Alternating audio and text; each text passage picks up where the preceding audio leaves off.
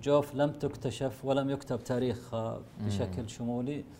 أنا صادق في ذلك. لأنه التاريخ الحضاري للجوف يحتاج إلى إعادة صياغة وربما يكون هذا مشروع للمستقبل.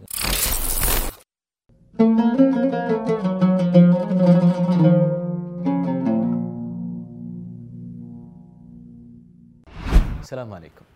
هذا بودكاست الجوف وأنا بلال الغنام نذكر أنه هذا البودكاست هو أحد منتجات سماوة لفضاء المحتوى بالشراكة مع مجلس شباب الجوف. خلوكم معنا. ضيفنا اليوم هو الأستاذ الدكتور خليل بن إبراهيم المعيقل الإبراهيم. آه، عمل أستاذا آه، مساعدا في جامعة الملك سعود إلى أن أصبح أستاذ مشارك آه، ثم انتقل بعدها إلى مجلس الشورى ليصبح أحد أعضاء مجلس الشورى وانتقل بعدها لرئاسة جامعة حايل وهو أحد علماء الآثار المميزين في مملكتنا الحبيبة. فحياك الله أبو إبراهيم. حياك الله أخي بلال وشكرا على الاستضافة. الله يحييك. طيب إبراهيم ودنا بالبداية أن نتحدث عن النشأة والدراسة وحياتك منذ الصغر إلى أن آه، وصلت مرحلة الجامعة. بسم الله الرحمن الرحيم والصلاة والسلام على سيدنا محمد وعلى آله وصحبه أجمعين. النشأة آه، أنا ولدت في مدينة سكاكا وترعرعت ودرست المراحل التعليمية من الابتدائي إلى الثانوية في مدينة سكاكا. ولا شك أن هذه المرحلة من النشأة مرحلة مهمة جدا. خاصة أننا عصرنا مرحلة يعني نكاد نكون من الجيل المخضرم الذي درس في المدارس المباني الطينية مباني الطيني. وانتقلنا بعد المرحلة الابتدائية إلى مدارس حديثة. أنا درست المرحلة الابتدائية في مدرسة ابن سينا آه، الابتدائية. ابتدائية. كانت تعرف بالغربية. آه ثم أكملت المتوسطة في مدرسة ابن القيم المتوسطة والثانوية في ثانوية الجوف. فهذه المرحلة الأولى من من من تعليمي.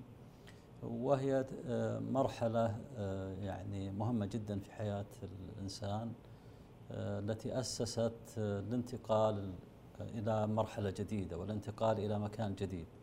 ولذلك كانت إكمال آه، آه، المرحلة الثانوية آه، نقطة تحول في في حياة أي شاب والانتقال إلى مدينة كبيرة إلى جدة والرياض.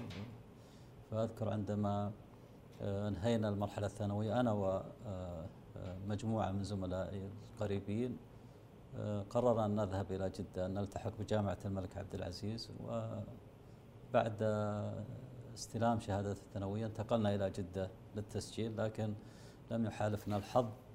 إي أنتم انت أنتم خلصتوا الثانوي الثانوي قررتوا تروحون إلى جده كان آه، ليه ما وجهة. إيه ليه ما رحتوا الرياض مثلا؟ أعتقد قرار كان مرتبط بالمكان. يمكن الرياض آه، المكان المفضل لأهل الجوف. دائما إيه صحيح. طلاب الجوف يذهبون للرياض. فربما كان آه، توجهنا نذهب إلى مدينة ساحلية إلى جدة. آه ربما للتغيير أو لأن الجامعة كانت برامجها جاذبة. في نعم. تخصص معين كان بالبال أنا كنت مقرر عندما ذهبنا أن ألتحق بكلية الاقتصاد والإدارة مم. فكل واحد منا الخمسة الذين رافقوني آه، كان مقرر تخصص معين لكن آه، جئنا متأخرين كانت جامعة الملك عبد العزيز إجراءات القبول بدأت مبكرة آه، تعرف الاتصال كان صعب إيه. المعلومة إيه صحيح. كانت صعبة وبالتالي عندما وصلنا إلى جامعة الملك عبد العزيز وجدنا أنه المقاعد والتسجيل انتهى فاضطرينا آه، أن ننتقل إلى الرياض لنلتحق بجامعة الملك سعود وهو ما حدث. زين في بعضهم يغير.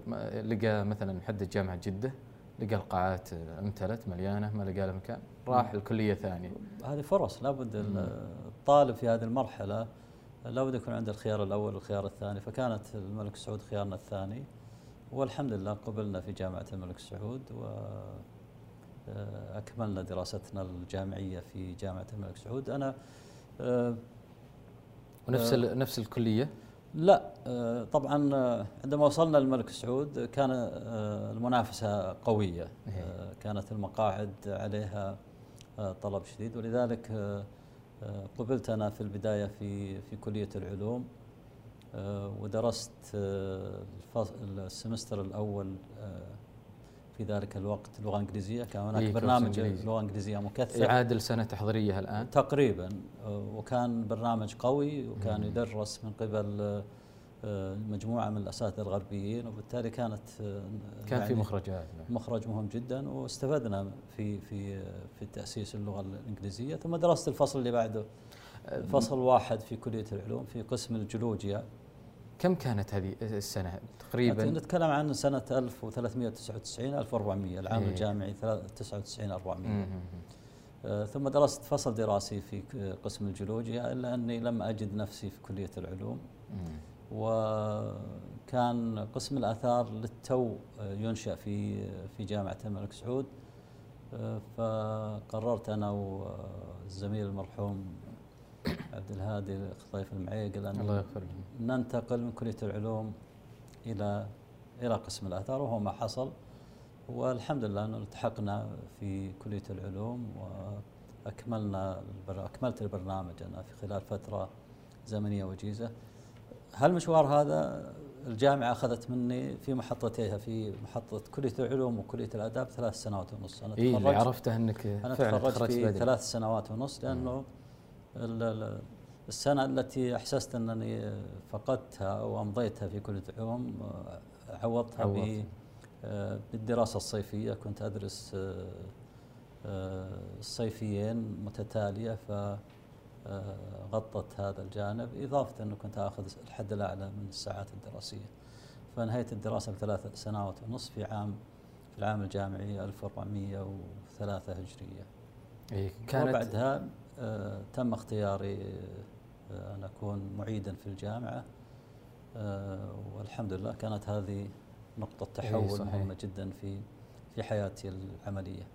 بعد اختاروك معيد باشرت أو تغتربت؟ ال- النظام طبعا كما هو. معروف أنه يعطي ال- المعيد سنة آه يباشر سنة في الجامعة على أن يبتعث في نهاية هذه السنة. وهو ما حصل باشرت آه، في آه، تقريبا آه، 19 6 1403 وابتعثت آه، للدراسة ال- العليا إلى بريطانيا في في السنة اللي تليها في شهر آه، شهر رجب تقريبا أكملت سنة. وانتقلت إلى بريطانيا في آه، عام 1404 1984 درست اللغة لمدة ستة أشهر. آه، ثم انتقلت إلى جامعة درم لإكمال آه، دراستي العليا في الماجستير والدكتوراه حتى اللغة بعد ترى اللغة يعني ست- شهور ستة أشهر. جيد ممكن الكورس الإنجليزي اللي خذيته أكيد كان اللغة. آه، دائما مدارس اللغة لا لا تعطيك اللغة ال- الأكا- الأكاديمية العلمية هي تعطيك اللغة العامة وبالتالي الجل والجهد الأكبر آه، في بناء لغتك هي. دراستك وتواصلك مع من خلال دراسة المقررات الدراسية أو آه، الحياة الجامعية بكل بكل تفاصيلها. حصلت لك مواقف بالغربة آه، أمور آه، ممكن حتى استفدت منها لا شك أن انتقالك آه، من آه، بلد إلى بلد آه، في مرحلة وقتها الظاهر إنك تروح وزي ما يقولون على وجهك ما أنا تصنع ال- نفسك وانت ال- طبعا كما نعرف الاتصالات كانت محدودة الاتصال أيوة، كان أيوة. وفق من خلال الاتصال التلفوني الأرضي. هذا غير متاح وبالتالي أنا يمكن السنة ال- أنا مضيت 13 شهر من سفري حتى عدت بإجازة. آه، في إحنا ما ال يكملون 13 شهر هذه أنهيت اللغة وبدأت برنامج آه، التمهيدي للماجستير وثم في رمضان اللي يليه قررت إني أصوم رمضان في في ال- في الجوف. آه، أيوة. كان هذا قرار طوال دراستي في بريطانيا كانت إجازتي في رمضان. لأني جربت أول رمضان في بريطانيا كانت ساعاته طويلة. آه، كان العمل فيه صعب أثناء دراسة اللغة. فكان القرار تعرف إحنا طريقة الدراسة في بريطانيا هي مرنة ولا ترتبط ب آه، خاصة في السنة الثانية لا ترتبط بالكورسات بكورسات مقيدة. فكان الطالب يحدد إجازته السنوية سواء كان. أرادها في الصيف ف آه، قراري أن أصوم آه، بين الأهل كل آه، كل رمضان وهذا ما حصل حتى أنهيت برنامج الدكتوراه في عام 1410 1990 للميلاد. آه، استغرقت الدراسة كلها أربع سنوات آه، أخذتني أربع سنوات ونص إيه، ال- الماستر والدكتوراه. والدكتوراه. طبعا في بريطانيا النظام آه، تبدأ الدراسة تسجل الماستر. وبعد سنة من تسجيلك الماستر إذا آه، أثبت آه، قدراتك وقدمت ما يشفع إلى أن تنتقل لمرحلة الدكتوراه فتعفى من من تقديم الرسالة وتطور آه، رسالة الماجستير إلى. إلى رسالة الدكتوراه. فهذا اختصر شيء من الزمن أقل شيء اختصر سنة من من من من مسيرة وه- وهذا. يدل على تميزك آه، يا إبراهيم بال- اثناء الغربة لذلك هم اختاروا الجدية والوقت اللي الإنسان يحاول قدر المستطاع أنه يستغله وبالتالي الوقت هو هو العمر وبالتالي ولذلك أنا يمكن من بين زملائي في الملك سعود في خاصة في القسم أنا يمكن من أوائل من عاد في الدكتوراه بعد. الابتعاث. دفعتي إحنا كنا خمس معيدين. أنا أول العائدين آه، أنا عندما عدت بالدكتوراه كان عمري 28 ونص تقريبا ما شاء الله. يقال إني كنت أصغر أستاذ جامعي حين اي وهذا حصل لك قصص آه، وحصلت فيها يوم إنك انت آه، رجعت بعض المواقف بعد الدكتوراه. لطيفة في في. القاعات الدراسية آه، خاصة أن أن عمرك آه، قريب من أعمار طلابك فحصلت بعض بعضهم المواقف ممكن أكثر اللي يتأخر كان يعتقد يعني بعض المواقف في, القاعات يعتقدون أنك معيد أنك لا. زلت آه، ويتفاجئون انك أستاذ اكملت دراستك وحصلت مواقف لطيفة لكن هي جزء من من آه، علاقة الطالب واستاذه. آه، طيب انت آه، بديت آه، أستاذ آه، مساعد آه، بعد ما بدأت. أستاذ مساعد بعد أربع سنوات عام 1414 ترقيت أستاذ مشارك. آه، بعد أربع سنوات النظام يسمح لك آه، أن تقدم أربعة أبحاث وتترقى إلى أستاذ آه، مشارك آه، ثم تكمل مسيرتك الجامعية إي. كم جلست آه، بالجامعة جامعة الملك سعود؟ أنا خدمت آه، في جامعة الملك سعود من تعييني في عام آه، 1403 إلى آه، تقاعدي المبكر عام 1428 خدمت تقريبا 25 عام 25 سنة. بين الإعادة وال- والابتعاث ومراحل الأكاديمية آه، في في عام 1426 أنا اخترت عضوا في مجلس الشورى.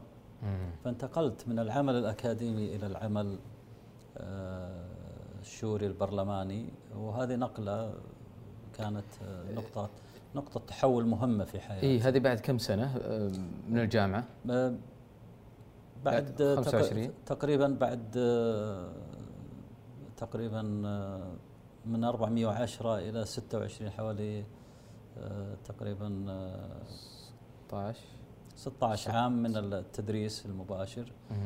بعد الحصول على الدكتوراه.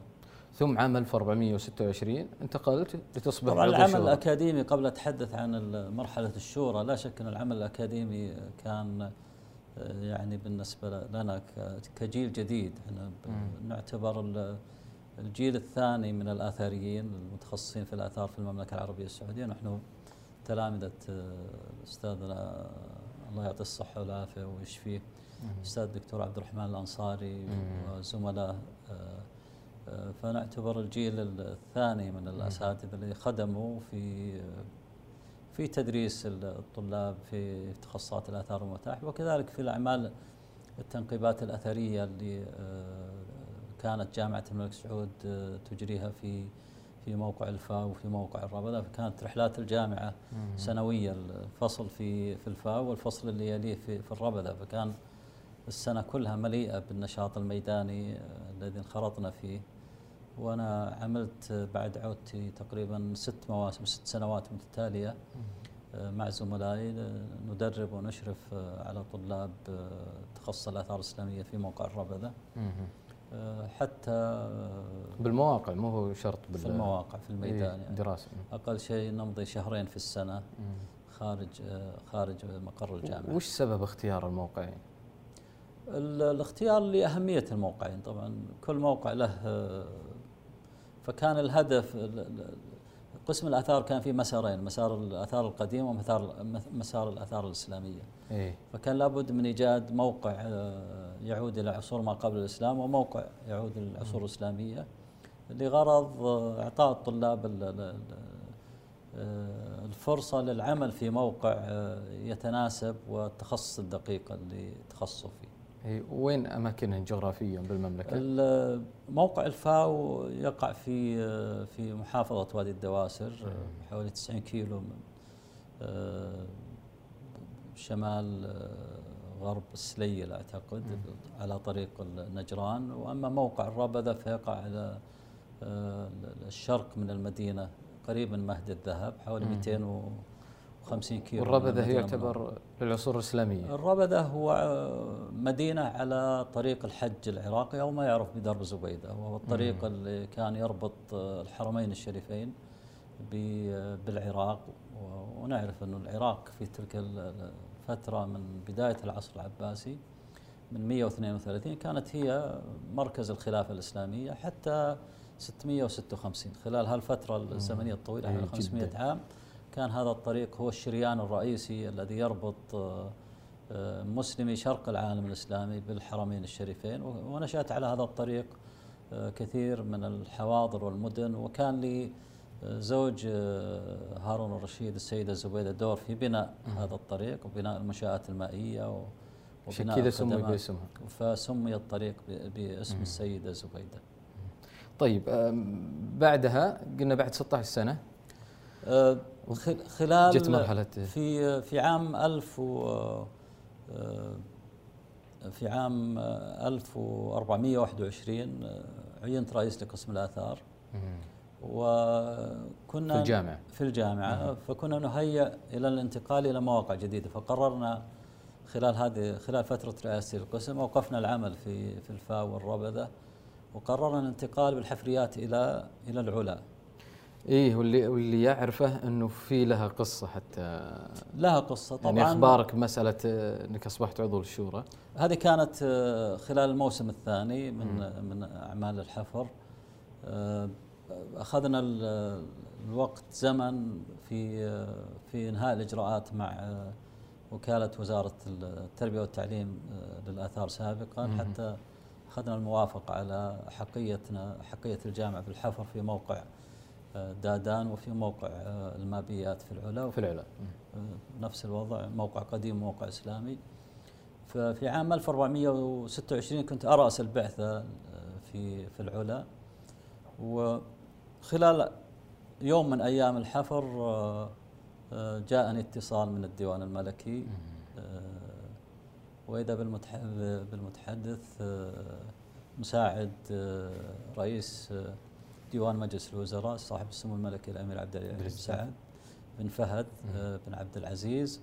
يبلغني أن الأمير يريد أن يحادثني فأبلغني سمو الأمير ان الملك فهد.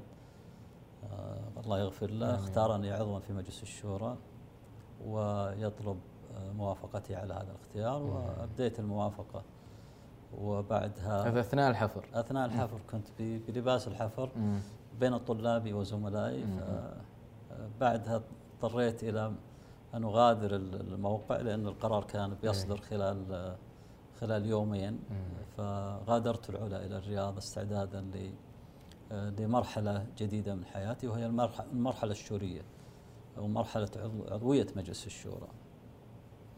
أه، خلال مرحلة أه، الشورى أه، أنت جلست فيها الشورى فترتين تقريبا. الشورى لا شك هي مرحلة جديدة. وهذه ممكن يعني ممكن نقارنها بالعمل الأكاديمي كيف كانت التجربة؟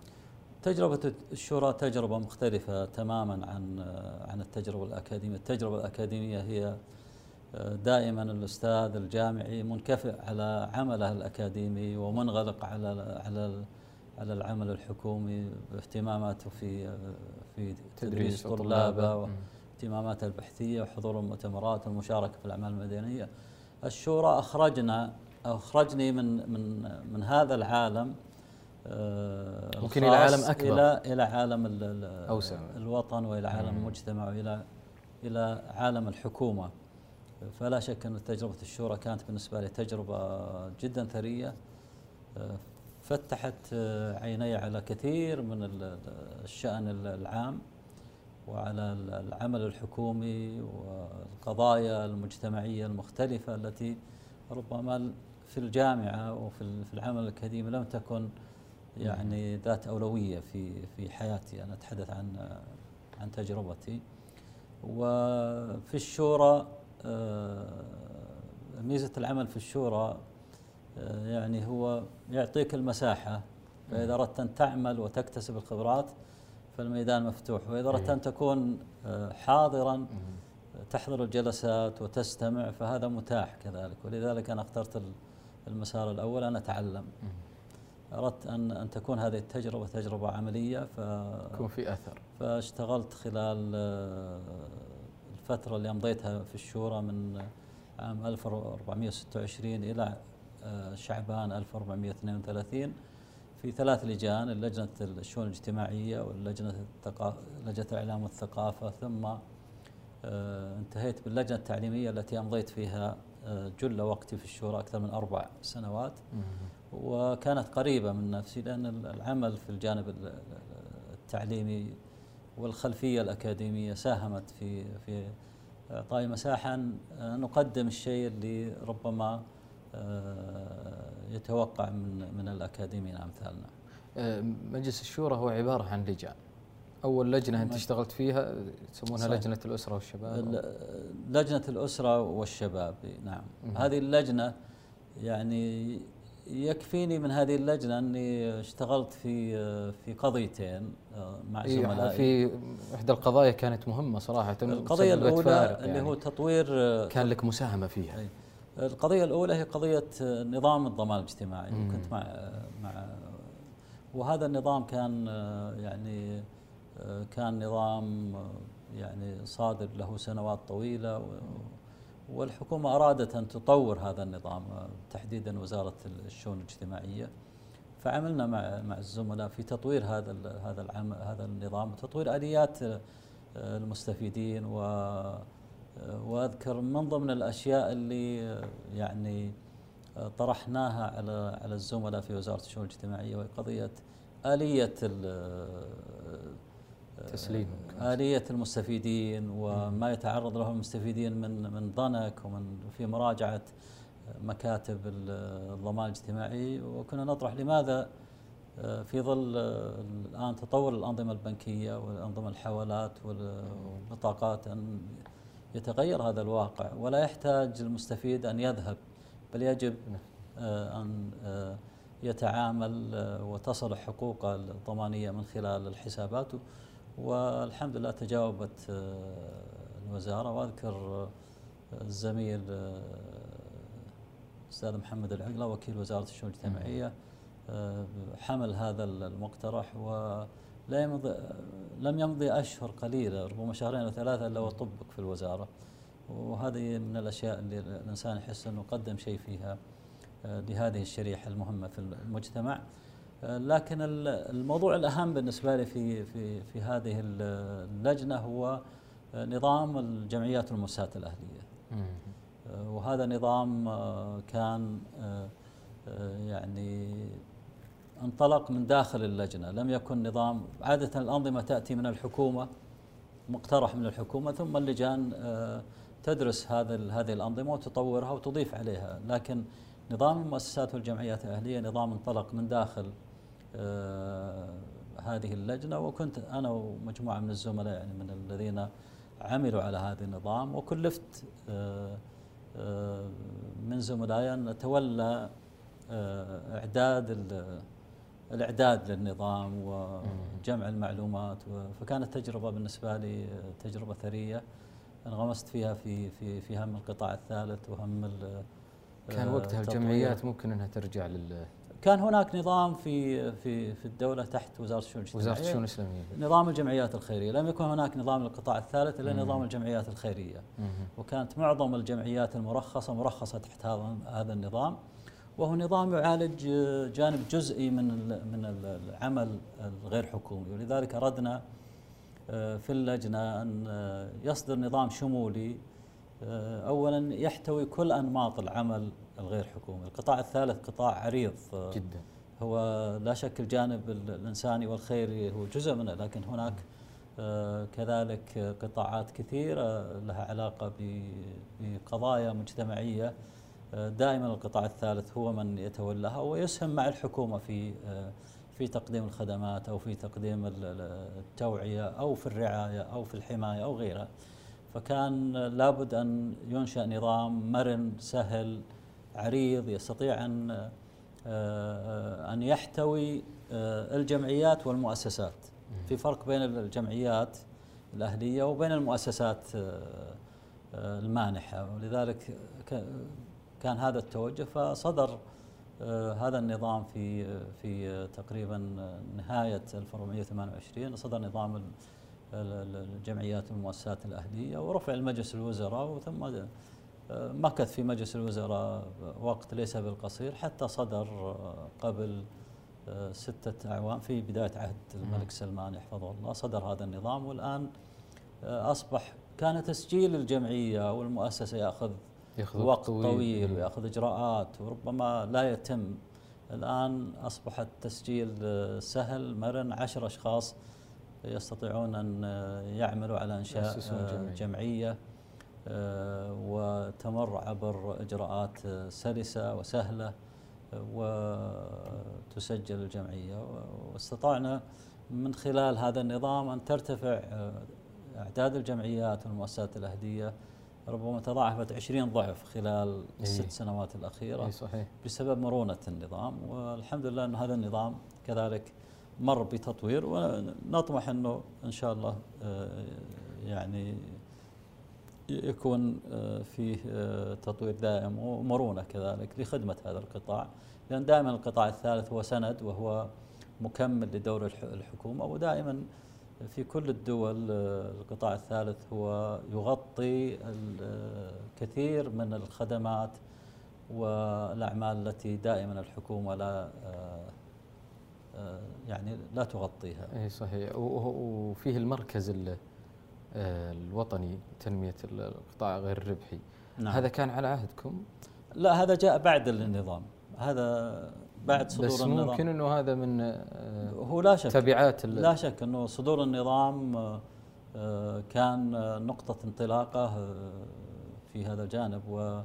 ويجب أن أقدم شكري للمعالي الدكتور ماجد القصبي. عندما كان وزيرا للشؤون الاجتماعية أتذكر آه، بعد تعييني في جامعة حائل. وعندما عين الدكتور ماجد القصبي وزيرا ذهبت لأنه لا زال هم هذا النظام إيه. كان النظام لا زال يدرس في في في الأمانة العامة لمجلس الوزراء فذهبت آه، آه، للسلام وللحديث عن هذا النظام فكان آه، يعني حماس الدكتور ماجد كبير جدا وكان له دور كبير في تسريع صدور النظام. ثم انتقلت إبراهيم بعدها إلى لجنة الإعلام أو إيه. لجنة الثقافة. إيه انتقلت بعدها إلى لجنة لجنة الثقافة والإعلام. جلست فيها سنة آه، جلست فيها سنة لكن لم أجد نفسي فيها لأنه مم. ربما بسبب إنه كل أعضاء اللجنة هم المثقفين فالوسط المثقفين دائما وسط آه، يعني الإنجاز فيه إيه ربما يكون آه، بطيء شوي. ولذلك السنة اللي بعدها انتقلت إلى لجنة الشؤون التعليمية. وفي هذه اللجنة أمضيت تقريبا أربع سنوات من من فترتي في الشورى في هذه اللجنة. آه، كنا ضمن مجموعة من الأكاديميين والمتخصصين في آه، في آه، في التعليم ومن المسؤولين السابقين في التعليم وكنا معنيين بدراسة القضايا التعليمية وتطوير الأنظمة أنا والزميل أحمد المفرح وبعض الزملاء الآخرين أخذنا جانب الأنظمة وتطوير الأنظمة التعليمية فكانت البداية آه، لتطوير أنظمة الجامعات. كان نظام الجامعات اللي أعرفه عنك أنك تدرس النظام بالحيل يعني قبل لا تدخل طبعا. أي موضوع طبعا يعني تبحث فيه. فكان لدينا مبادرات. كل المبادرات اللي تمت في دراسة الأنظمة كانت منبثقة من هذه اللجنة المصغرة. فدرسنا من خلالها نظام الجامعات الذي صدر عام 1414 تطويره تطوير هذا النظام وكان الهدف هو إعطاء استقلالية آه، تامة وإيجاد آه، نظام حوكمة للجامعات. وهذا النظام آه، درس وصوت عليه في المجلس ورفع إلى مجلس الوزراء. وأخذ وقت مثل مثل نظام الجمعيات والمؤسسات الأهلية حتى صدر قبل عدة سنوات بوضعه الذي اختلف قليلا. نحن في في النظام اللي صدر من مجلس الشورى كان في استقلالية تامة لكن ارتئي في الوزارة بعد إعادة دراسة هذا ينظر في بعض القضايا التي لم يشمل على مراحل نعم. بعدها أنت بعد الشؤون التعليمية هي خلينا نقول المرحلة مجلس الشورى كم هي ست سنوات ست سنوات. تقريبا ست سنوات فترتين. آه، فترة ونصف فترة ونصف. وشيء قليل. نعم.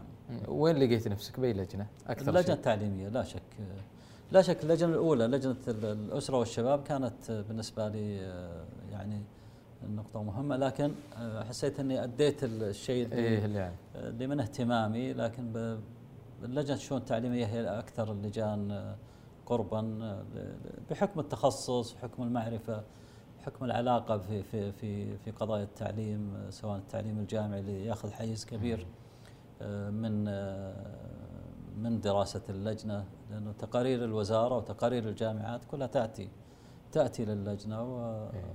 والأنظمة المرتبطة بالتعليم العام والتعليم العالي آه، كلها كانت وكذلك التعليم التقني والمهني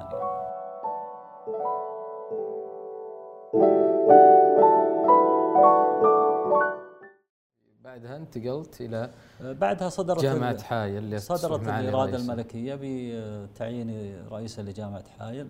وحتى هذه لها قصة. مسألة تعيينك والاتصال لها قصة. هذه في شعبان من عام 1432 مم. كانت بداية إجازة اعضاء مجلس الشورى. إجازتنا تبدأ في شعبان. في ذلك العام قررت أني أمضي إجازتي في أستراليا. في الطرف الآخر من العالم. آه، لأن بنتي كانت تدرس آه، هي وزوجها فقررنا أنه آه، نذهب نصوم رمضان لأن الجو في في استراليا في في ذاك الوقت بيكون شتاء فكان إيه. الهدف أنه صلة رحم وسياحة فرتبنا الزيارة الرحلة واستأجرنا الشقة والسيارة وذهبت إلى استراليا.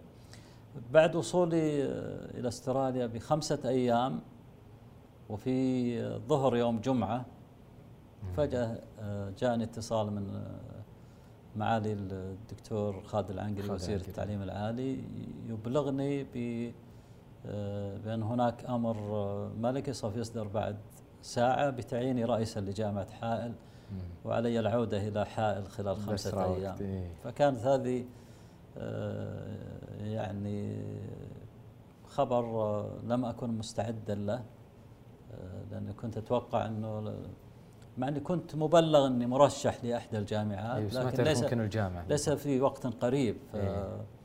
آه وبالتالي كل خططي تغيرت اضطريت آه، أن أغادر وأترك أبنائي أترك إبراهيم ووالدته وأخواته في تحسفت على السفر أي نعم وأترك آه، مدينة Gold آه، Coast تلك المدينة الجميلة وأعود لبداية عملي رئيسا لجامعة حائل فباشرت عملي في حائل في أول رمضان في أول يوم من رمضان عام 1432 للهجرة.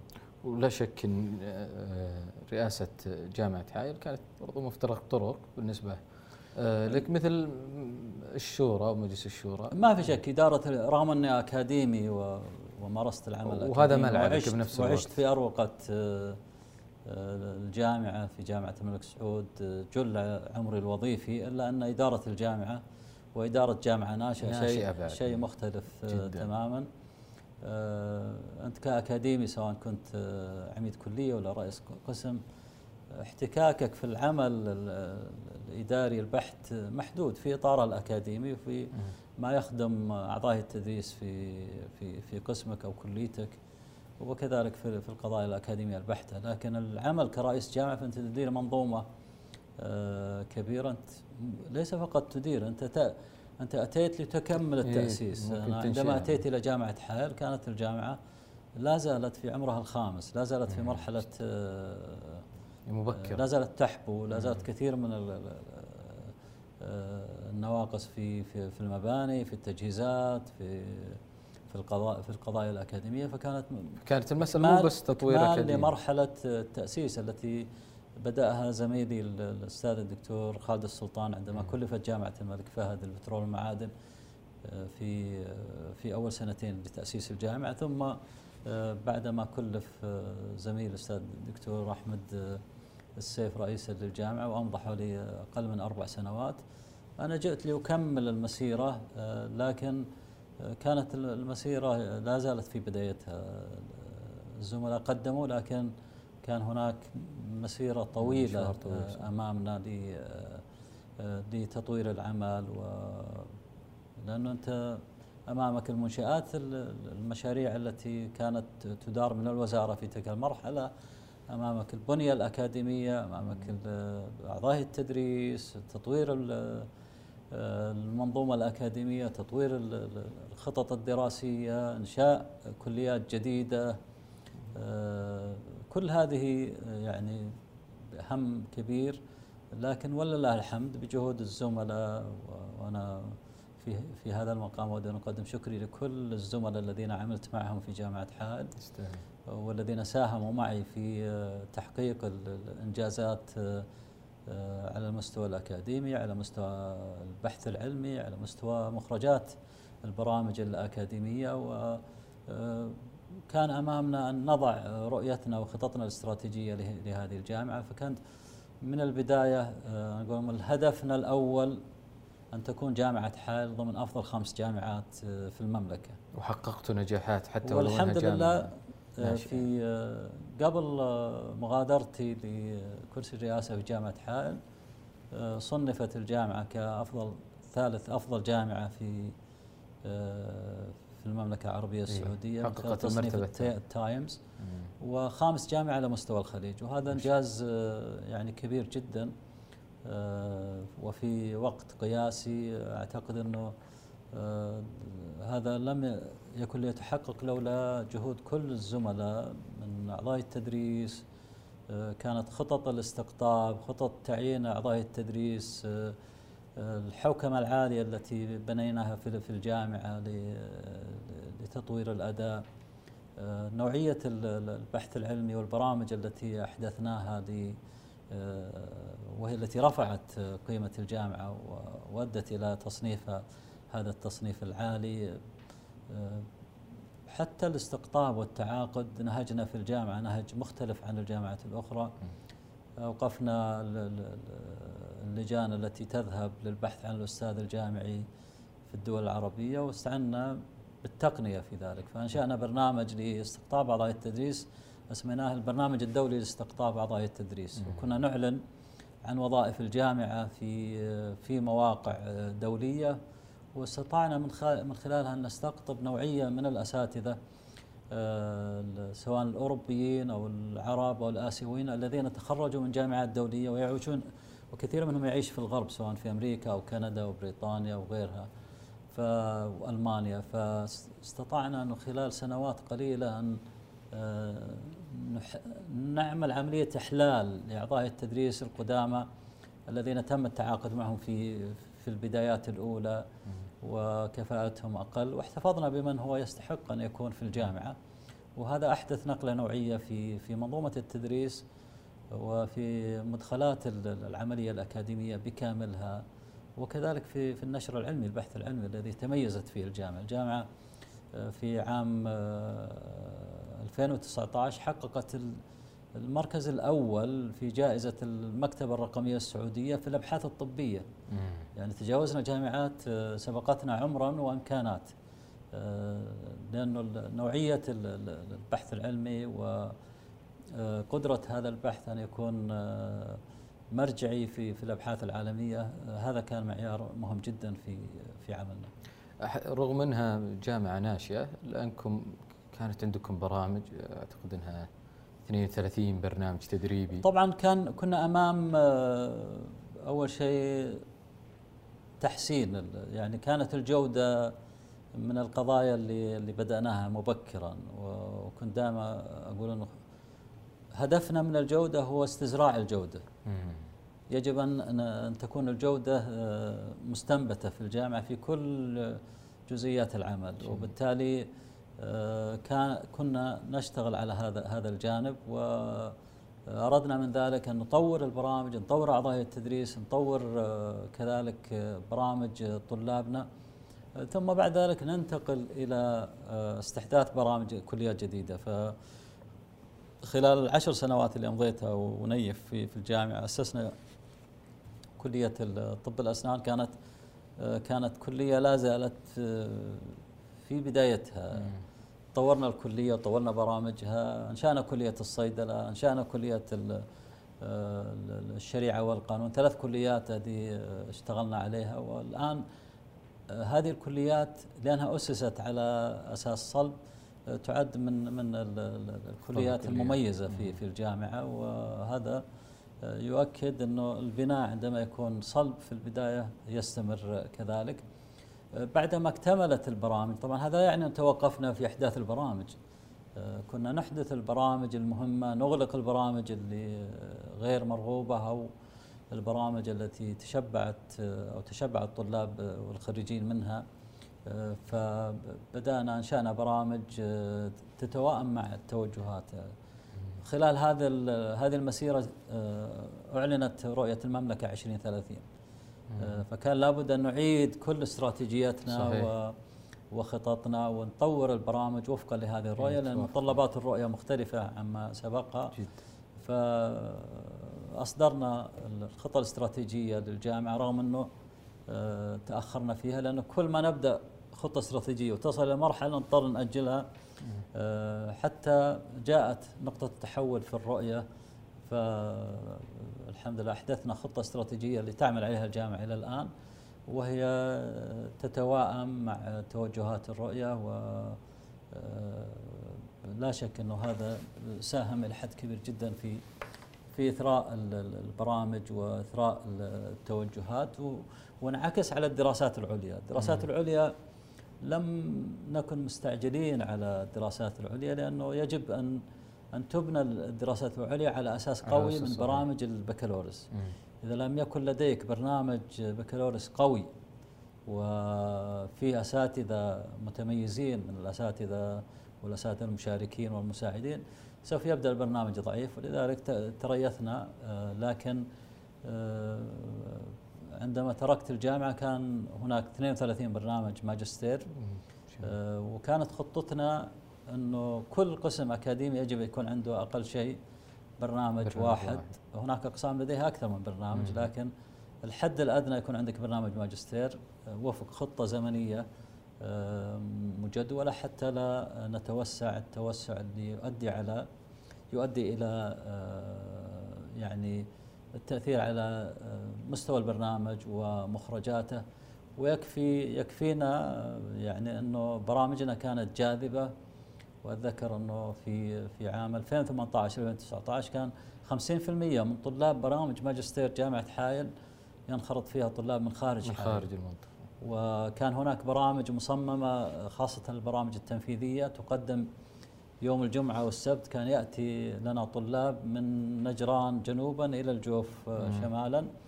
وهذا ساهم في إثراء البرنامج لأنه استطعنا نستقطب نوعية من الطلاب. آه، أصبحت التنافسية عالية على القبول في البرامج وبالتالي القبول كان يركز على اختيار أفضل الكفاءات. أنا أشيد بكلامك لأني كنت أنا أحد الطلاب اللي آه، درسوا في البرامج اللي كانت مذكورة عندكم بالجامعة، لكن في برنامج وهذا يعكس اهتمامك ما زال في المسؤولية المجتمعية اللي هو كان أول برنامج في الوطن العربي. الدبلوم المنظمات الغير ربحية كذلك. طبعا آه، كما ذكرت أنا بحديثي عن اهتمامي كذلك ودنا حتى الكراسي أعتقد بالجمعيات والمؤسسات الأهلية. كان قضية القطاع الثالث آه، قضية حاضرة في الجامعة. وأزعم أن اهتمامي الشخصي ساهم إلى حد كبير لكن هذا ليس كل شيء. أنا أعتقد كذلك اهتمام زملائي في كلية الإدارة آه، إدارة الأعمال ساهم في ذلك. فأنشأنا آه، دبلوم المنظمات إدارة المنظمات غير ربحية. وكان دبلوم آه، لمدة سنة أو ست شهور والله ما متأكد ماني متأكد. لكن هو بدأ ست شهور ثم تحول إلى دبلوم سنوي, سنوي. وبعد ذلك طور هذا البرنامج إلى برنامج ماجستير. والعام الماضي خرجنا أول دفعة من وهو برنامج فريد. يعني على مستوى الوطن العربي آه، ليس هناك برنامج آه، قبل جامعة حائل طبعا بعدنا أنشأت برامج لكن عندما أسسنا برنامج كنا أول برنامج على مستوى الوطن العربي. وأتذكر كنا نبغى مرجعية للبرامج. لم نجد في الوطن العربي برنامج آه، في إدارة المنظمات غير الربحية وكانت مرجعيتنا في الغالب جامعات غربية. فمثل هالبرامج هذه ساهمت في في هذا الجانب. طبعا الكراسي العلمية كانت رديفة للعمل البحثي والعمل المجتمعي. آه، في لحظة من اللحظات وصلت عدد الكراسي في في الجامعة إلى 12 كرسي. ما شاء الله. آه، كان ضمنها كراسي مهتمة في اي كانت فريدة أعتقد فيه صناعة يعني القيادات أو شيء. يعني كان عندنا اهتمام من البرامج اللي اشتغلت أنا وزملائي في الجامعة على أحداثها هو قيادات المستقبل. كنا ننظر وهذا من من أوائل البرامج. جدا جميل. آه وتبرع لنا معالي الدكتور ناصر الشيد ب آه كان هناك كرسي آه، لأمراض الكلى في منطقة حائل قبل ما آه، أتولى الجامعة. ثم آه، خلال فترة تواجدي في البدايات وكان هناك زيارة لمعالي الدكتور ناصر للجامعه فتبرع بكرسيين خلال زيارته. كرسي لقيادات المستقبل موجه للطلاب والطالبات لصناعة قيادة مستقبلية بين الطلاب وطالبات الجامعة وهذا الكرسي ساهم في في تخريج أعداد كبيرة جدا من من الناشطين وأزعم أن كل اللي في الساحة في حال الآن في الغالب هم مخرجات هذا الكرسي بصورة أو بأخرى وكذلك تبرع لنا بكرسي آخر سميناه كرسي دراسات حائل. هذا الكرسي يعنى بكل الدراسات المرتبطة بمنطقة حائل ويكفي آه، هذا الكرسي شرفا أنه أصدر موسوعة منطقة حائل في ست مجلدات, ست في أكثر من 2000 صفحة. يتحدث عن التاريخ الاجتماعي والتاريخ الطبيعي لمنطقة حائل خلال الفترة الماضية. وأعتقد هذا من أدوار الجامعة. لا شك. آه، لكن فيه الأمن الفكري كذلك أنتم اشتغلتوا عليه من المواضيع الأمن الفكري كان من القضايا اللي اشتغلنا عليها وربما كنا من الجامعات اللي تميزت في هذا الجانب منذ فترة مبكرة هو كما تعرف في في فترة 2011 2012 وخلال فترة الربيع العربي حدثت طبعا إشكاليات كبيرة إشكاليات فكرية و وامتدت ثقافة في أوساط الشباب وكان لابد من الجامعة أن تتحرك لتحصين الشباب ومحاولة إصلاح ما يمكن إصلاحه رغم قلة الحالات اللي سجلت في في الجامعة لأنه هذه اللجنة كانت الهدف منها تحصين الشباب وكان لديها برامج تثقيفية ليس فقط لطلاب الجامعة في أروقة الجامعة الطلاب والطالبات بل حتى في آه، طلاب آه، التعليم العام في منطقة حائل وفي المحافظات فكانت الجامعة نشطة في هذا الجانب. آه، والحمد لله ساهمت إلى حد كبير جدا في تحصين الشباب ومعالجة بعض الإشكاليات وبعض الأفكار التي تعتري ممن كان يحتاج إلى إصلاح. حتى الجمعيات استفادت منكم كجامعة وهذه من شراكة الجامعة بالمجتمع خلتكم توقعون آه، عقود قرابة ال 20 مليون أو آه، أكثر. كنا ننظر آه، يعني ننظر للمجتمع أنه بحاجة الجامعة. الجامعة كانت بيت خبرة. فكان توجه الجامعة مع أمارة المنطقة خلال فترة أمارة صاحب السمو الملكي الأمير سعود بن عبد المحسن ثم فترة أمارة الأمير عبد العزيز بن سعد وهو الأمير الحالي. اشتغلنا مع الأمارة ومع المؤسسات الحكومية وغير الحكومية وانفتحت الجامعة بشكل كبير على المجتمع وكان كانت تقدم خدمات وبرامج سواء خلال العام الدراسي أو في الفترة الصيفية. وهذا جزء من من من دور الجامعة وجزء من وظيفة الجامعة أن الجامعة لا تنغلق على نفسها بل هي بيت خبرة لمجتمعها المحلي لنحقق مبدأ الجامعة التنموية أنه الجامعة ليست جهة تعليمية فقط. الجامعة في المناطق الصغيرة هي مؤسسة تنموية كبيرة تستطيع أن تقدم آه، خدمات وتشترك آه، لتمكين القطاعات. يعني كان توجهنا هو تمكين القطاعات ولذلك كان القطاع الثالث أحد القطاعات التي عملنا عليها وأحدثنا برامج تدريبية من خلال عمادة خدمة المجتمع لتطوير القيادات في في الجمعيات الأهلية في منطقة حائل. ثم آه، تطور هذا آه، إلى شيء أكبر عندما استطعنا أن نعقد أول ملتقى للمؤسسات المانحة على مستوى المملكة. جمعنا فيه المؤسسات المانحة التي لديها أوقاف ضخمة وتستطيع أن تدعم الجمعيات مع الجمعيات الأهلية. وفي عام 2019 قبل كورونا استطعنا أن نعقد ملتقى على مستوى عالي جدا. وقع في هذا الملتقى عقود آه، بمبالغ لا تقل عن 24 مليون لصالح الجمعيات والمؤسسات الأهلية في في منطقة حائل وفي بعض مناطق المملكة. جميل. وهذا إسهام من الجامعة وهذا كان مشروع آه، آمل يستمر وتستمر الجامعة فيه آه، لأنه نحن بحاجة إلى أن نكون تكون الجامعات منصات للعمل المجتمعي وتكون منصات لدعم الجهود الحكومة في كل المجالات. ثم انتهت فترتك في الجامعة بعد قرابة ثمان سنوات. أنا لا أنا كملت في الجامعة عشر سنوات عشر سنوات. فانتهت فترتي وتقاعدت في آه، شهر منتصف محرم الماضي والآن تفرغت لأموري الخاصة الحمد لله. ممكن بعض الأمور اللي آه، سمعت عنك حتى في آه، تبغى تراجع مسألة الكتب اللي آه، الآن تعرف الانشغال في عمل حكومي وهي خدمة ما في شك وشرف أن تثق فيك القيادة وتكلفك بإدارة جهاز كبير مثل الجامعة. لكن الإنسان الحمد لله أدى هذا هذا الجهد والآن عندما انتهت المهمة أعتقد الإنسان يبدأ يعود إلى كثير من من الأمور التي أجلت لفترة زمنية من ضمنها قضايا إعادة طباعة الكتب أو أو بعض الكتب الغير مكتملة. الآن أنا أعمل على إعادة طباعة اثنين من كتبي وكذلك لدي مؤلف آه، الآن أشتغل عليه. آه، في منتصف الطريق وكذلك الأعمال الخاصة. وأنا متأكد أن الإنسان آه، لا يتوقف عند التقاعد. التقاعد بالنسبة لي هي مرحلة جديدة من حياتي. آه، سوف إن شاء الله يكون لها دور في في في التنمية في في منطقة الجوف في غيرها من مناطق المملكة.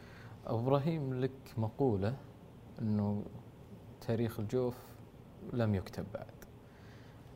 ودنا نعرف وش السبب. هل إحنا فعلا آه، آه، آه، ينقصنا كتاب؟ هل تنقصنا معلومات عن التاريخ؟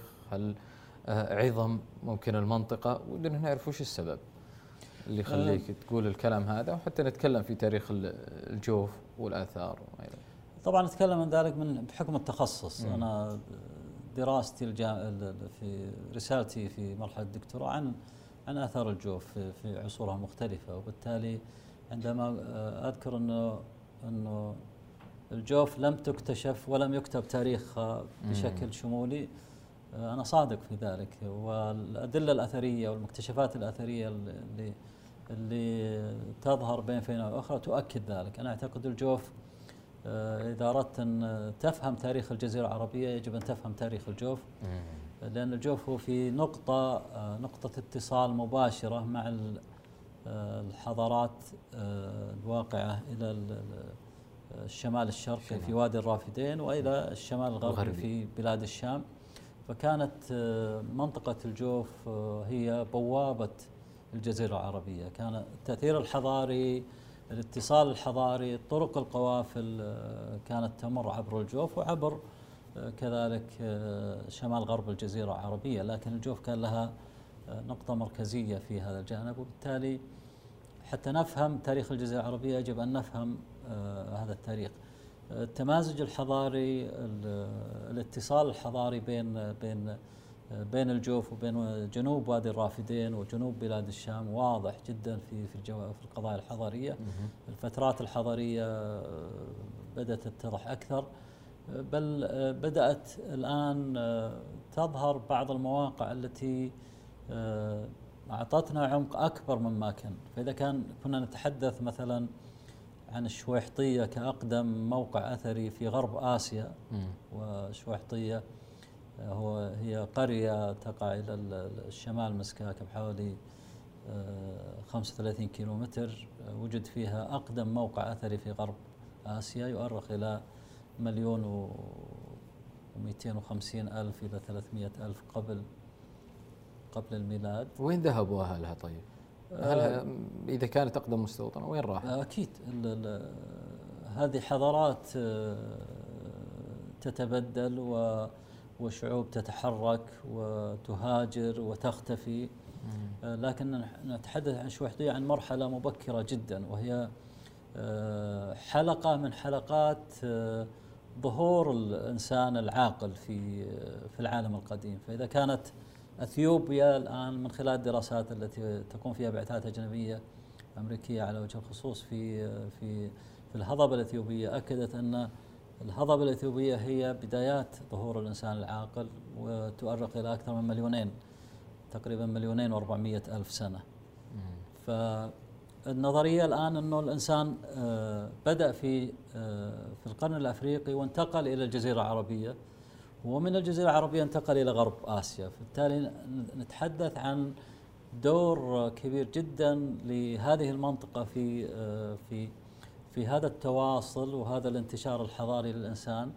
وإحنا نتحدث عن إنسان ليس إنسان عابر بل مستقر لفترة طويلة. ثم لأن الهجرات تأخذ وقت أطول مما هي عليه. فالجوف هذا عمقها لكن آه، الزخم الحضاري آه، جاء في فترات متأخرة. طبعا هناك عصور آه، حجرية أو ما تسمى بعصور ما قبل التاريخ بعد الشويحطية تمتد إلى إلى تقريبا 6000 قبل قبل الميلاد. وهي العصور اللي سواء العصور القديمة أو الوسيطة أو العصر الحجري الحديث. ظهور مملكة دوما أو مملكة دوما نفسها متى كان ظهورها؟ وعلى يد من؟ دومة الدومة ك طبعا يجب أن نفرق بين دومه ودومة الجندل لأن دومه أقدم من دومة الجندل ذكرا في في, في المصادر. آه، أقدم المصادر اللي مدتنا بمعلومات عن آه، مملكة آه، أدوماتو أو دومه جاءت من المصادر الأشورية. فلدينا أدلة من الكتابات المسمارية تعود إلى منتصف القرن التاسع قبل الميلاد تتحدث عن ملكات وملوك كانوا يحكمون دوما وكانوا على صراع مع آه، السلطة في نينوى السلطة الأشورية في نينوى.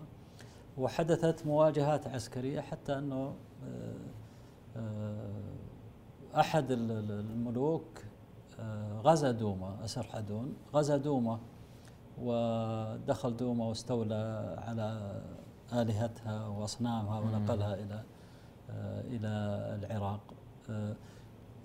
مملكة دوما تعد من أقدم الممالك في الجزيرة العربية. وبالتالي ظهورها على مسرح الأحداث وصراعها مع سلطة مثل السلطة الأشورية مؤشر على مكانة كانت تتميز فيها دوما لأن دوما كانت هي مركز السلطة المحلية في شمال الجزيرة العربية مركز القبائل العربية لها تحالفات مع آه، القبائل العربية في شمال آه، الجزيرة العربية سواء مملكة قيدار اللي سبقت دومة أو غيرها من الممالك. وحدث هذا الصراع. خلال هذا الصراع كان دخلت دومة على خط الصراع بين بابل وأشور. فكانت دومة بحكم الخلاف مع مع أشور. كانت توالي آه، البابليين في صراعهم. وهذا انعكس على غزوة نبو نايد الملك نبو نايد إلى تيماء في 552 آه، قبل الميلاد آه، مر على دومة. غزا نبونيد آه، جاء من انتقل وهو الملك البابلي المعروف انتقل ليستولي على تيماء وعلى عدد من الحواضر في شمال الجزيرة العربية على وادي على ديدان على خيبر على يثرب على فدك. خلال هذه الفترة دوما كان لها دور في في في هذا الصراع. لم تذكر المصادر البابلية غزو نبونيد لدومة الجندل وكان هناك يعني علامة استفهام كبيرة. يعني كيف يأتي إلى ويعبر دومة دون أن يغزوها. دون أن يغزوها. وهذا مؤشر يعني جعل كثير من المؤرخين يتساءلون عن السبب اللي غيبت لم تذكر دوما في اسيا وكان دوما لم تكن.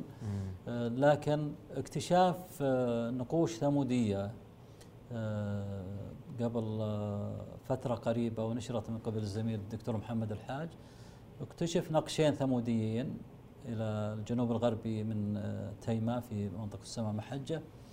هذين النقشين يتحدثان عن آه، أحد ملوك دومة بالنص بالمسمى هذا. ملك يسمى بسران ابن نظران هذا الملك كان آه، يعمل آه، جنبا إلى جنب مع نابونيد في غزواته على آه، واحات شمال شمال الحجاز. بل ذكر في أحد النصين أنه كان مسؤول عن الغنائم. وكان معه 200 من الفرسان و200 من راكبي الإبل. هذا يعتبر جيش كبير جدا في مقاييس تلك المرحلة. وكانت مهمة بس الملك بسران هي آه، حماية الغنائم التي يغنمها آه، جيش نبونيد آه، في تلك الفترة. وهذا يؤكد التحالفات التي كانت قائمة بين دومة وبين الملك البابلي قبل غزوه لتيمة ويؤكد الدور المحوري لدومة الجندل مع المملكة المملكة البابلية. فيه إذا تحدثنا عن دومة فيه دائما نذكر أن عندنا كنز دفين آه، بعض الأحيان يعاد طرحه بعض الأحيان ننسى سوق دومة سوق دومة الجندل آه، سوق دومة آه، في في القرن الخامس الميلادي وخاصة بعدما تعطلت طرق القوافل. نحن نعرف أنه بعد دخول الرومان إلى إلى إلى بلاد الشام بلاد الشام بدءا من نهاية القرن الأول قبل الميلاد وخلال القرن الأول الميلادي والقرن الثاني تعطلت كثير من القوافل التجارة وحركة التجارة اللي كانت منظمة وكان آه، كانت آه، تقوم على انتقال مواد التجارة من مصادرها سواء المستوردة أو المنتجة إلى الأسواق في بلاد الشام. آه، عندما تأثر الوضع العام للتجارة نشأت أسواق محلية آه، في مسيرة هذه القوافل. القوافل تتحرك آه، طوال السنة وكما نعرف آه، أنه لدينا قوافل تذهب بالصيف إلى بلاد الشام وقوافل تذهب إلى جنوب الجزيرة العربية في في في الشتاء وهي رحلة الشتاء والصيف المذكورة. في في في القرآن الكريم. هذه الرحلة آه، تزامن معها ظهور مراكز تجارية آه، بدءا من جنوب الجزيرة العربية حتى دومة الجندل في في الشمال. فنشأت أسواق لعل أشهر هذه الأسواق سوق عكاظ وسوق دومة الجندل. فإذا كان سوق عكاظ يتميز بالبعد الأدبي وعلاقته آه، بالحج وبموسم الحج فإن دومة الجندل تتميز بثقلها الاقتصادي والتجاري وأصبح لها دور كبير جدا. هذا السوق آه، آه، اندثر مثل مثل بقية الأسواق المختلفة. آه، مدينة دومة الجندل كبار السن وأنا يمكن بحكم سني أتذكر السوق القديم وما يسمى بسوق المسحب وهو السوق التجاري الموجود في في دومة. لكن هذا السوق اليومي الذي تمارس فيه التجارة اليومية للأسف هذا السوق هدم في في بداية التسعينات الهجرية من قبل لعدم وعي إيه. الجهات المحلية في دومة الجندل فهدم السوق وانتهى إلا أن السوق الموسمي في الغالب لا يقام في في هذه الحوانيت التي كانت يمثلها سوق المسحب بل كان يقام بالساحات أو بالأماكن المفتوحة آه، في آه، في بالقرب من المدينة أو في المناطق المرتفعه دون ما نعرف إنه آه، فيها مناطق مطلة عليها فهذه مهيئة أن تكون مكان الأسواق. مثل هذه الأسواق أنا أعتقد هي يعني كنز كبير جدا لهذه المدن من السهل إعادة هذه الأنشطة وتوظيفها توظيف اقتصادي أولا وتوظيف سياحي ثانيا أنا أعتقد أنه وأنا عملت لك تجربة في سوق عكاظ أنا من الناس اللي أعادوا ضمن لجنة إعادة إحياء سوق عكاظ في سنوات مضت مع محافظ الطائف السابق بن معمر.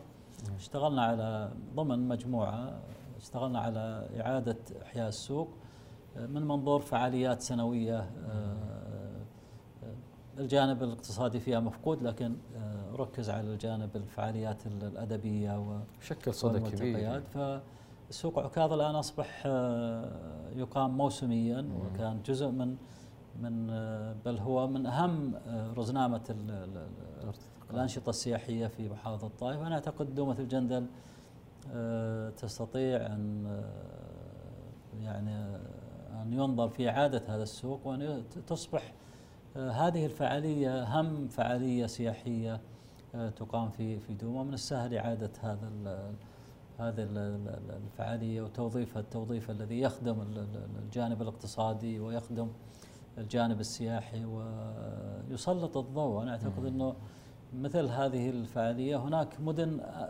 اخترعت لها مناسبات اخترعت صحيح. لها آه، فعاليات. ليس لها بعد تاريخي فما بالك ب آه، بهذه المدينة التاريخية التي عندما يذكر سوق دومة الجند تستدعي أنت تاريخ المدينة وتاريخ المنطقة آه، الطويل الحاضر القائم وخاصة الآن دومة مهيئة هناك متحف ضخم أنشئ في المدينة تطلع أنه يفتح قريبا ويطور الموقع الأثري ضمن منظومة آه، إن شاء الله تكون تتحول دوما إلى متحف آه، مفتوح. أنا أعتقد أن دوما يجب أن تتحول إلى متحف مفتوح أو بني ميوزيوم آه، وتربط كل المآثر والمنشآت المعمارية الموجودة ضمن مسار تاريخي تستحقه المدينة ويستحقه يعني تاريخها نتمنى من الجهات المعنية وزارة الثقافة أو وزارة السياحة والجميع ما يقصر إذا عرف إنه نعم. فعلا. آه، فيها فائدة بعض البرامج أو المبادرات صحيح. هذه. لك وجهة نظر في الكتابات آه، أو تطور كتابة اللغة العربية بين الجوف والعلا أو إنها نساهم الكتابة الكتابة العربية آه، تطورت في شمال الجزيرة وتحديدا في الجوف وفي العلا. معظم النصوص التي الكتاب وليست الخط الخط أنا أتكلم. اي الخط. الخط الحرف العربي. الحرف العربي. اللغة أسبق من الكتابة كما نعرف. اللغة دائما اللغة المحكية هي أسبق من من حتى في اللغات السامية. يعني اللغة سابقة لأن اللغة نشأت مع الإنسان مع مع مع نشوء الإنسان في هذا في هذا في هذه الدنيا. وبالتالي آه، الكتابات العربية تطورت. هناك عدد كبير من النقوش التي اكتشفت في العلا وفي الجوف وفي بعض مناطق جنوب بلاد الشام. تعود الفترة من القرن الثالث الميلادي إلى القرن السادس. هذه النصوص إذا وضعتها في تسلسلها الزمني تحكي لك مراحل تحول الحرف من النبطي إلى العربي. فالعربية الحرف العربي الذي نكتب فيه الآن هو نتاج تحول طبيعي من الخط آه، النبطي. النبطي. الخط النبطي هو في أصل في أصول آرامي آرامي القلم لكن أخذ صفة خاصة آه، ولا شك أن اللغة ساهمت في في التأثير على على الخط لأنه الأنباط هم عرب انتقلوا من وسط الجزيرة العربية إلى جنوب بلاد الشام أسسوا مملكة كان آه، مركزها البتراء وامتدت آه، لتشمل شمال غرب الجزيرة العربية العلا ودومة الجندل شرقا وحتى دمشق آه، شمالا. هذه الإطار الجغرافي لمملكة الأنباط. وعندما سقطت دولة الأنباط بسبب دخول الرومان عام 106 ميلادية تشرذم الأنباط وانساحوا في الأرض كثير منهم عاد إلى شمال الجزيرة العربية. وإلى شمال غرب الجزيرة العربية وإلى جزيرة سيناء. وخلال هذه المرحلة حدثت التحول في الكتابة وبدأت تظهر آه، ملامح جديدة لخط جديد سمي بالخط العربي فيما بعد. آه، خلينا ننتقل إلى أثار الرجاجيل تعتقد أنها هي أقدم من تدمر. لك وجهة نظر في الرجاجيل موقع الرجاجيل الآن آه، هو موقع يعني موقع فريد في في طبيعته وفي مكوناته وأغلب ما يظهر من الموقع هي الأعمدة الحجرية. هناك أكثر من خمسين مجموعة حجرية تنتصب بعضها ساقط لكن هي كانت عبارة عن أنصاب آه، على هضبة آه، هذه هذا الموقع آه، اجرت له دراسات أولية لفترة طويلة وكانت دراسات مسحيه وكان التوجه العام من هذا الموقع له صفة دينية. هذا يجب لا يخرج عن آه، التوظيف الديني وأنه هذا كانت تمارس فيه نوع من العبادات وربما كان آه، مكان تحج له أو تأتي له القبائل من كل مكان. إلا أنه الحفريات الأخيرة اللي قامت فيها البعثة الألمانية في في الجزء الغربي من الموقع اكتشفت منشآت آه، معمارية ومباني تؤكد أن الموقع ليس منعزل. هذا الموقع مرتبط بحضارة مرتبط بمجموعات بشرية عاشت في الموقع. بل أن تاريخ الموقع اللي كان كنا نتحدث عن الألف الرابع الآن الحفريات الأثرية اللي تمت من قبل البعثة الألمانية مدت هذا إلى الألف الخامس نتحدث عن فترة زمنية أعمق مما مما كنا نتحدث عنه في فترة سابقة. ولا شك إنه هذا الموقع ليس معزولا هذا مرتبط بمواقع أخرى ولعلي أربط موقع الرجاجيل موقع الجمل. بالاكتشاف الجديد اللي هو موقع الجمل. موقع الجمل الذي اكتشف خلال السنتين الماضية هو عبارة عن موقع آه، أبرز مظاهره هي منحوتات للجمل بالحجم الطبيعي على واجهات صخرية أكثر من 19 منحوتة. آه، أبرزها آه، الجمل مع وجود حيوانات آه، أخرى منحوتة بشكل أقل إلا أن الجمل نحت بحجمها الطبيعي على واجهات الصخور. وهذا النحت يمثل مرحلة مبكرة. يكفي أن نشير أن هذه المنحوتات تمت قبل اكتشاف المعدن. يعني أدوات النحت التي استخدمت آه، في نحت هذه الواجهات آه، في الغالب هي أدوات صوانية المتوفره قبل اكتشاف النحاس قبل قبل اكتشاف النحاس قبل اكتشاف الحديد قبل اكتشاف البرونز. وبالتالي آه، إحنا نتحدث عن فترة الدراسات اللي نشرت عن موقع الجمل ربطته بفترة منتصف الألف السادس. وبالتالي كان يجب أن يجاب على السؤال المطروح الآن أين أهل الجمل؟ أين من نحتوا هذا الجمل؟ بهذه بهذا المستوى العالي من مقاييس الفن.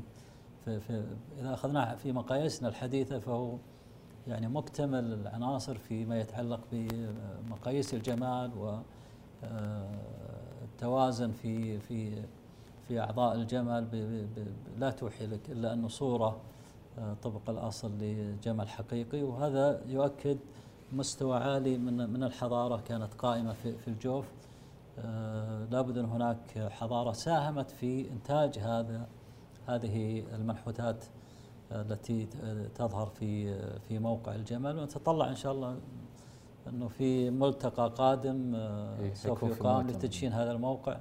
أنه تظهر دراسات أكثر عمقا متخصصين في هذا المجال. لكن أنا في رأيي إنه إنه موقع الجمل له ارتباط بموقع الرجاجيل.